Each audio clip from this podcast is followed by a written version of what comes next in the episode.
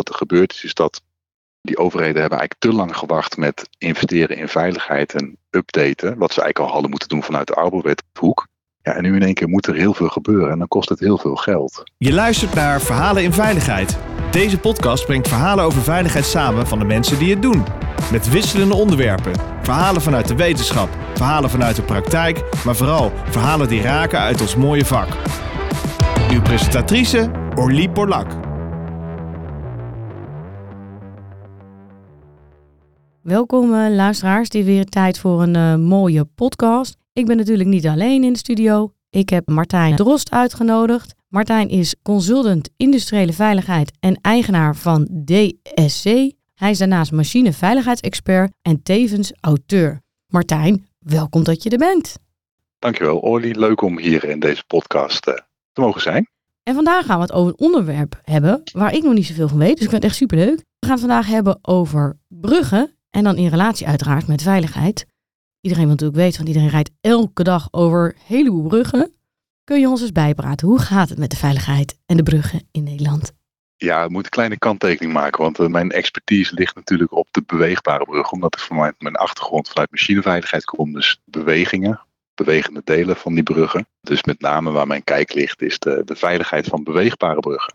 En op dit moment is er best wel een hoop gaande in Nederland. Er is een hoop te doen rondom bruggen en veiligheid van bruggen, achterstallig onderhoud, ontwikkelingen binnen normalisatieland. Er komt een nieuwe richtlijn aan, of eigenlijk een verordening op het gebied van machines. Dus er zit een, een hoop in de markt en een hoop in de lucht waar we naartoe gaan. En er is ook op dit moment heel veel onzekerheid over veiligheid van bruggen. Met name op een tweetal vlakken. Dus eigenlijk aan de ene kant is de constructieve veiligheid waar best wel wat over te doen is. Een mooi recent voorbeeld is de, de Haringvlietbrug, waarbij de bouten lostrillen door het verkeer wat er overheen rijdt. En een aantal jaar geleden hebben we natuurlijk de brug bij uh, Grokum gehad, die op een gegeven moment op slot moest, omdat daar uh, de constructie niet deugdelijk meer was. Dat ging meer ook over de constructie zelf. En de andere kant is natuurlijk de veiligheid die we eigenlijk allemaal als gebruikers kennen. Wanneer we er overheen rijden of lopen of fietsen. Waarbij ook in, ik meen in 2017, de Den Uilbrug in Zaandam iemand naar beneden gevallen is. Toen heeft dat aardig wat teweeg gebracht. Ook bij familie natuurlijk, maar ook binnen de normcommissie zelf. Later was er een incident met een echtpaar wat van de brug is gevallen. Uh, ze zijn best wel wat, ook door de jaren heen gebeurt er. Uh, her en der gebeurt wel wat. Betekent niet dat het allemaal volledig onveilig is, maar we zijn er denk ik nog niet op dit moment. Nee, en komt dat ook door de leeftijd van de brug? Ik weet niet wanneer zijn de meeste gebouwd? Ja, dat, dat varieert. Er zijn natuurlijk ook wel nieuwe bruggen die vanaf een aantal jaren geleden zijn gebouwd, uh, rond de 2000. Maar er zijn natuurlijk een heel groot, en zoals we vaak zeggen, areaal wat, wat uit de jaren 20, 30 stamt. Dus we gaan ook al snel richting een leeftijd van 100 jaar. Dus dan is ook op gebied van die constructieve veiligheid is het ook niet gek dat zaken vermoeid raken. Metaalmoeheid. En natuurlijk belastingen die enorm zijn toegewonnen. 100 jaar geleden reden we veel minder. Was het vrachtverkeer veel minder. Veel minder zware belastingen. Dat is natuurlijk allemaal toegenomen in de loop van de tijd. Dus dat, dat heeft er ook wel mee te maken, met name op het constructieve stuk. Ja, want de laatste tijd neemt het denk ik nog meer toe. Hè? We hebben in corona een tijdje thuis gezeten. Ja. Ik ga er een beetje vanuit dat de Haringvliet dan niet aan het eh, wegtrillen was met de boutjes. Maar nu is het weer vol aan verkeer. Ja, klopt. Ik weet op dit moment niet hoe ver ze zijn, maar ze hebben toen ook al gelijk al wel maatregelen opgezet door het verkeer langzaam te laten rijden om het trillen terug te dringen. Ja, dan moet het in één keer in de stroomversnelling komen. En ik denk dat er best wel een verschil is in hoe bepaalde overheden of semi-overheden, provincies of gemeentes het aanpakken qua onderhoud. Als ik bijvoorbeeld kijk naar Rijkswaterstaat, mijn ervaringen daarbij zijn dat het ja, niet altijd heel snel gaat.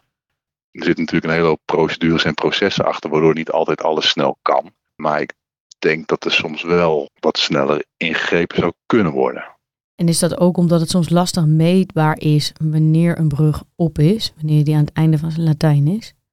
Ja, ik denk dat dat ook wel een heel grote oorzaak is. Dat het verkeersintensiteit neemt natuurlijk toe en dat is ook deels te voorspellen, maar deels ook niet. En ik denk dat er ook wel een deel, ja, soms gewoon te veel gepraat wordt. En dat het beleid niet snel genoeg mee kan bewegen met wat wij doen, wat er in de samenleving gebeurt. En ik weet niet zoveel van bruggen, hè? maar ik kan me best wel voorstellen dat de manier waarop bruggen nu bewegen, zeg maar, dat daar heel anders over nagedacht was 100 jaar geleden. Is dat zo? Kun je daar iets over vertellen? Ja, er is natuurlijk een enorme ja, evolutie niet, maar we worden natuurlijk steeds scherper met z'n allen. En we verwachten steeds meer qua veiligheid. En als we vanuit de veiligheid van die bewegende delen kijken, dan was natuurlijk 100 jaar geleden was de veiligheid vanuit mijn hoek, waarvan ik vanuit de industrie, was natuurlijk heel anders. Open machines, open aandrijvingen. Je kon overal bij. Ja, en als je een keer ergens tussen zat, ja, dan moest je niet zo zeuren. Dan liep je maar naar buiten. En dan, uh, als het weer minder pijn deed, kwam je maar terug. En dat accepteren we nu natuurlijk niet meer. We accepteren nu eigenlijk niet meer dat we een ongeval krijgen als we aan het werk zijn. En dat heeft dus aan de ene kant te maken met dat als je kijkt van de veiligheid vanuit een brug, heb je eigenlijk te maken met twee delen boven op het dek. Dus de, voor ons als gebruikers zijn als we er overheen fietsen of lopen. Aan de andere kant heeft het natuurlijk te maken met de mensen die onder het val werken. Dus eh, de monteurs, de brugbedienaars die eh, de brug bedienen, maar die ook in de kelder moeten komen om bepaalde storingen op te lossen. Ja, die staan natuurlijk blootgesteld aan hele andere gevaren. Als 100 jaar geleden vonden we het meer acceptabel om open tandwieloverbrenging te hebben dan nu. Nu verwachten we eigenlijk gewoon dichte afschermingen. Gesloten, als je ergens bij moet zijn, dan moet het stilstaan. En dat zijn heel veel conventionele technieken die in de industrie vrij gangbaar zijn, maar die binnen de, de wereld van de beweegbare brug toch wat meer weerstand bieden. En de werking van de brug, want ik neem aan dat op het water ook drukker is geworden, want de meeste bruggen die moeten bewegen zullen wel over water heen gaan.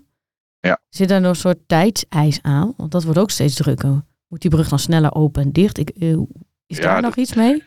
Nee, dat valt denk ik wel mee. Het mechaniek kan niet sneller openen en sluiten dan wat het tegen kan. Dus dat valt wel mee. Ik denk alleen wel dat de bewegingen wel meer zijn geworden dan wat het ook eerder was net zoals op de weg is, op de vaarweg is het ook drukker geworden. Waarbij het zomers bijvoorbeeld nog weer veel drukker is vanwege uh, ons eigen plezier. Dat de plezier onder een brug door moeten, waardoor die open moet. En waarbij je in de winter meer kijkt naar de beroepsvaart die bijvoorbeeld een brug moet passeren. Maar als we de toekomst in willen, want over 100 jaar hebben we eigenlijk dezelfde discussie weer. En dan zit hier iemand anders en zit er bij jou ook iemand anders. Ja. Hoe kan je beter voorbereid zijn op de toekomst? Want ik neem aan, gewoon een brug ontwerp voor maar 100 jaar levensduur Lijkt me ook best wel een duur grapje. Ja, alleen wat er natuurlijk is, is dat op het moment dat er een nieuw ontwerp gemaakt wordt, dan wordt er eigenlijk gekeken naar wat is de standaardtechniek. Dus wat is er nu mogelijk aan maatregelen en veiligheid? Ja, en in de loop van de jaren verandert die standaardtechniek en worden die eisen worden strenger. Een mooi voorbeeld is eigenlijk nog wat we allemaal wel kennen, bijvoorbeeld de auto. In de jaren 70 hoefde je geen autogordel te dragen. En nu zijn alle auto's standaard uitgerust met gordels. En vinden we het ook heel normaal om hem om te doen een enkeling nagelaten die er last van heeft. Maar zo geldt het ook een beetje met eisen binnen de machinewereld. Die eisen worden ook steeds strenger. En de wetgever voorziet daar wel in. Niet zozeer vanuit de machinerichtlijn, maar meer vanuit de Arbowet. Die geeft eigenlijk de werkgever ook aan van let op, de eisen die nu gelden. Je zult regelmatig moeten kijken van kan het misschien beter? Kun je wat je tien jaar geleden niet kon beveiligen, nu wel beveiligen? En daar zul je op een gegeven moment ook op moeten acteren.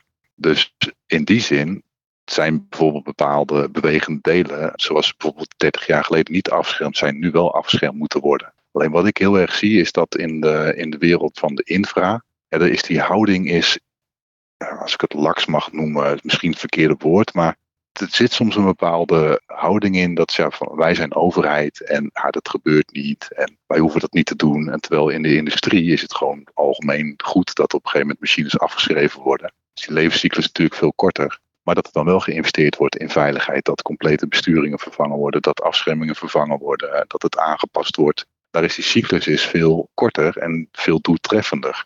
En in de infra is dat, ja, dat gaat allemaal niet zo snel.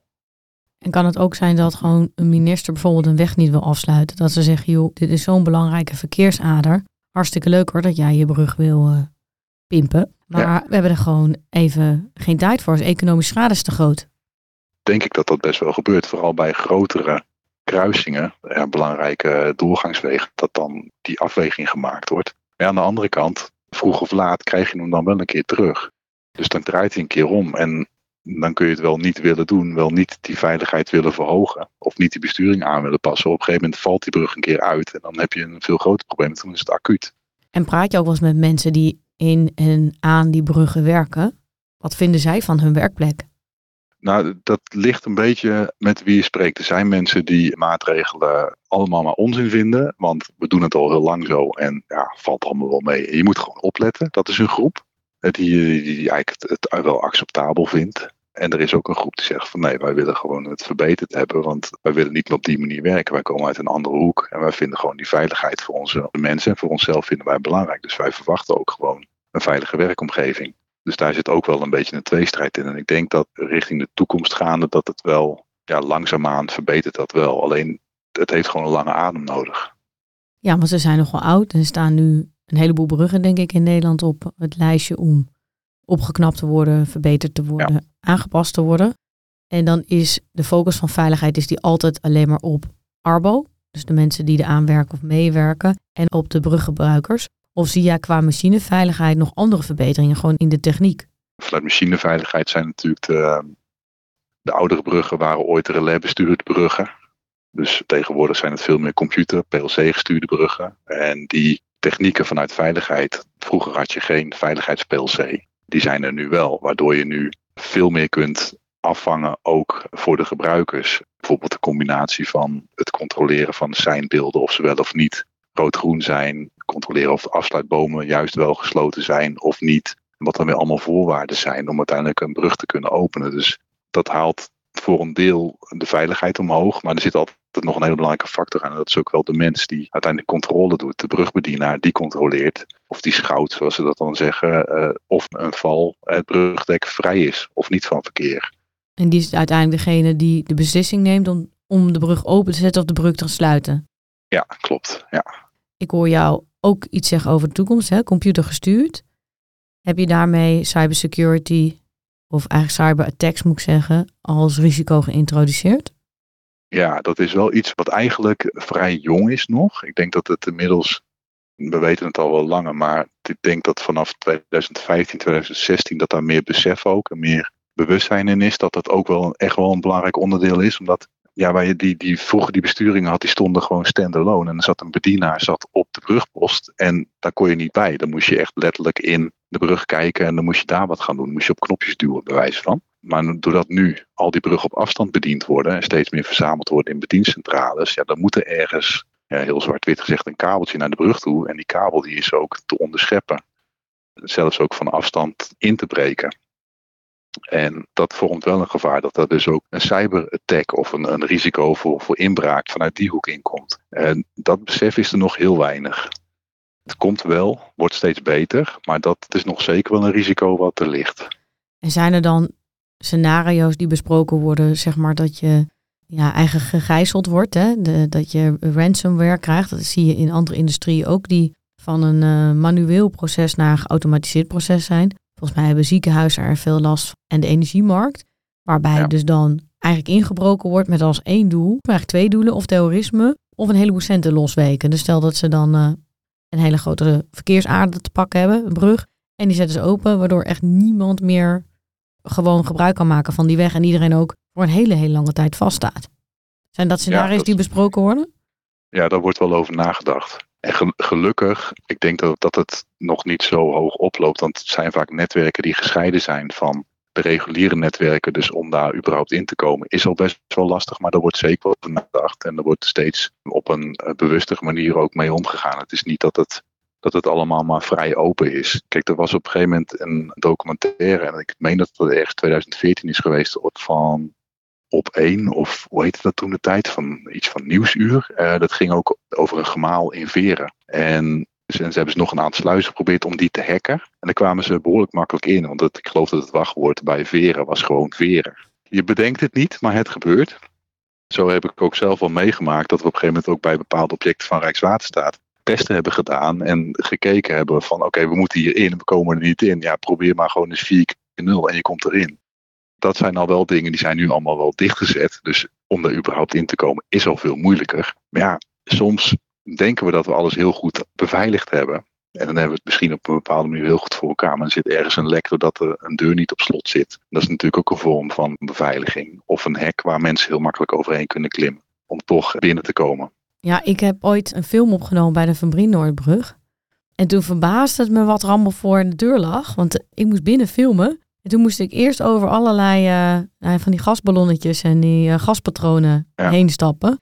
Ja, dat was kennelijk uh, de lokale hangout of jeugd die daar in het weekend feestjes gaf. Ja, ja dat gebeurt. En kijk, je kunt natuurlijk, dat, dat is een beetje ook, ook in het gebied van veiligheid. Je hebt een bepaalde verantwoording van, je kunt heel veel doen om mensen buiten te houden, maar op een gegeven moment, het houdt een keer op. Dus als mensen overal overheen gaan klimmen en alsnog ergens willen komen, ja, ze komen er uiteindelijk. Alleen de vraag is, hoe lang duurt het dan voordat ze er kunnen komen? Je moet het niet te makkelijk maken. Nee, precies. Maar als jij het nou voor het zeggen had, hè? je hebt geen last van uh, politieke bureaucratie.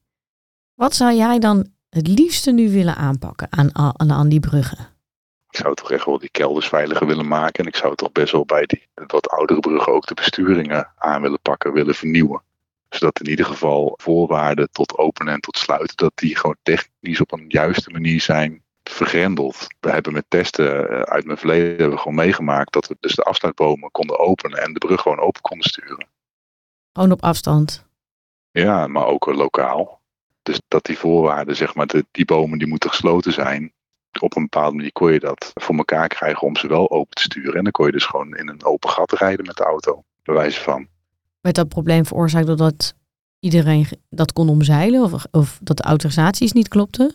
Ja, met name autorisaties, maar ook binnen de besturing dat zaken niet goed op orde waren. Waardoor door hele kleine dingetjes die faalden, dat daardoor die fouten heel makkelijk geïntroduceerd konden worden.